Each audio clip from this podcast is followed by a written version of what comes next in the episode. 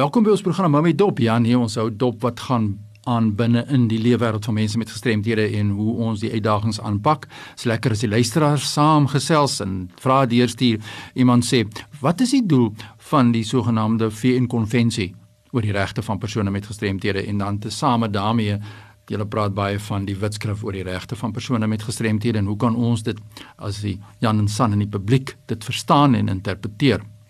Baie belangrike vraag. Die doel van die huidige konvensie, soos ons hom het, soos ons hom ken en die wetskrif is 'n paar sake. Dit is om volle en gelyke genieting van alle menseregte en fundamentele vryhede aan alle persone met gestremthede te bevorder en te beskerm en te verseker en om respek te hê vir die inherente waardigheid van mense met gestremthede.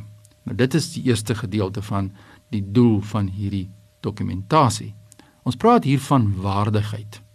Wat is waardigheid? Waardigheid gaan oor hoe mense binne die gemeenskap hanteer moet word. Nou, ons dan baie in hierdie programme verwys na verskillende forme van gestremdheid. Daar's 5 verskillende forme van gestremdheid: sensories, fisies, neurologies, intellektueel en so kan ons aangaan. Die feit is die waardigheid van almal. So ons die groot uitdaging wat ons het in ons land in Suid-Afrika is dat ons fokus op die meer sigbare forme van gestremdheid. Ons gee die rolstoelgebruiker baie meer aandag, dit is die werklikheid omdat ons dit kan sien. Die ander gestremdhede, as ek nou bewyse van spreuke kan sê, suig in die agterspeen. Jou mense met 'n psigososiale gestremdheid. Psigososiaal kan jy nie sien nie. Mense praat van mense met depressie, bipolêre angsversteuring, skizofrenie. Daardie tipe van verlies wat mense ervaar wat dan heeltemal uit die hoof gesien word en wat nie aandag kry nie. So die eerste is wat ons dan sê in die wetskrif oor die regte van persone met gestremthede, dit gaan oor gelykheid, gelyke geleenthede te bevorder. Persone met gestremthede sluit dan natuurlik hierdie vyf groepe in en ons wil dan die situasie as hulle met die hindernisse wat hulle het in die gemeenskap dan in interaksie gaan om daardie hindernisse dan te kan oorkom. Nou wat praat hulle is van as hulle sê hindernisse. Wat is hindernisse? Hindernisse is byvoorbeeld as ek nou vinnig kan dink aan iemand in 'n rolstoel. Hy het 'n rolstoel en hy kom by die stadsaal, sê nou maar, by wyse van spreuke, daar is net 'n stel trappe. So met ander woorde, daar's nie opritte nie. Wat gebeur nou? Die persoon kan nie hierdie fasiliteit of dit die biblioteek is of die stadsaal is of wat ook al die fasiliteit is, hy kan dit nie gebruik nie. Persoon het 'n hindernis, mense reël funksies en dan dink hulle nie daaraan dat daar toeganklike toilette moet wees nie. So met ander woorde, 'n persoon kan nie die funksie bywoon nie omdat daar nie 'n toeganklike toilet is nie. Hy word uitgehou, hy word weerhou, dis 'n hindernis.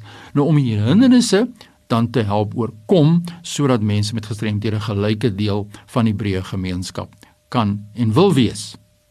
En as mense met gestremdhede dan op 'n gelyke basis hanteer word, beteken dit ons moet kyk na die persoon met sigverlies. Maar weet ons wat is die hindernisse van persone met sigverlies? Weet ons regtig? Verstaan ons regtig wat is die verskil tussen 'n persoon wat blind gebore is en 'n persoon wat later blind word? Wat is die verskil tussen iemand wat deelsiende en blind is? Iemand wat groot druk gebruik as 'n deelsiende en iemand wat brail gebruik. En gebruik almal nou maar net brail. Die waarheid is dat die oorgrootste meerderheid van mense wat sigverlies het, gebruik nie noodwendig brail nie, soos wat die oorgrootste meerderheid van mense wat gehoorverlies het, nie gebaretaal gebruik nie. Maar as ons praat van die televisie en die toeganklikheid van die televisie vir mense met gestremthede, dan hou ons sien ons nuus word gehou, die president doen toesprake op die TV en daar's net 'n gebaretaal tolk aan die een kant. Maar 80% van die mense met gehoorverlies gebruik nie gebaretaal nie. Wat het hulle nodig? Hulle het onderskrifte nodig.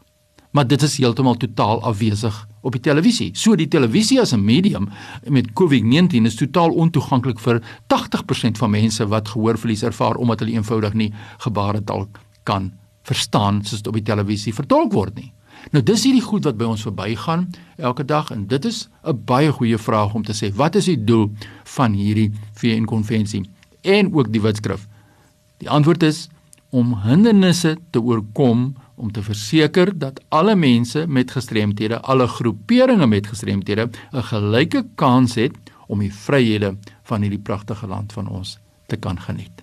Indien jy 'n persoon is wat in 'n situasie is waar jy voel by die werk dat jy nie die vryheid het wat ander werknemers het as dit bloot as gevolg van die feit dat jy gestremd is, stuur 'n e-pos aan my. Ek wil graag hoor wat is jou uitdagings by die werk. Baie dankie vir hierdie baie belangrike vraag. My e-pos is fani.dt by mweb.co.za. Groetens tot 'n volgende keer.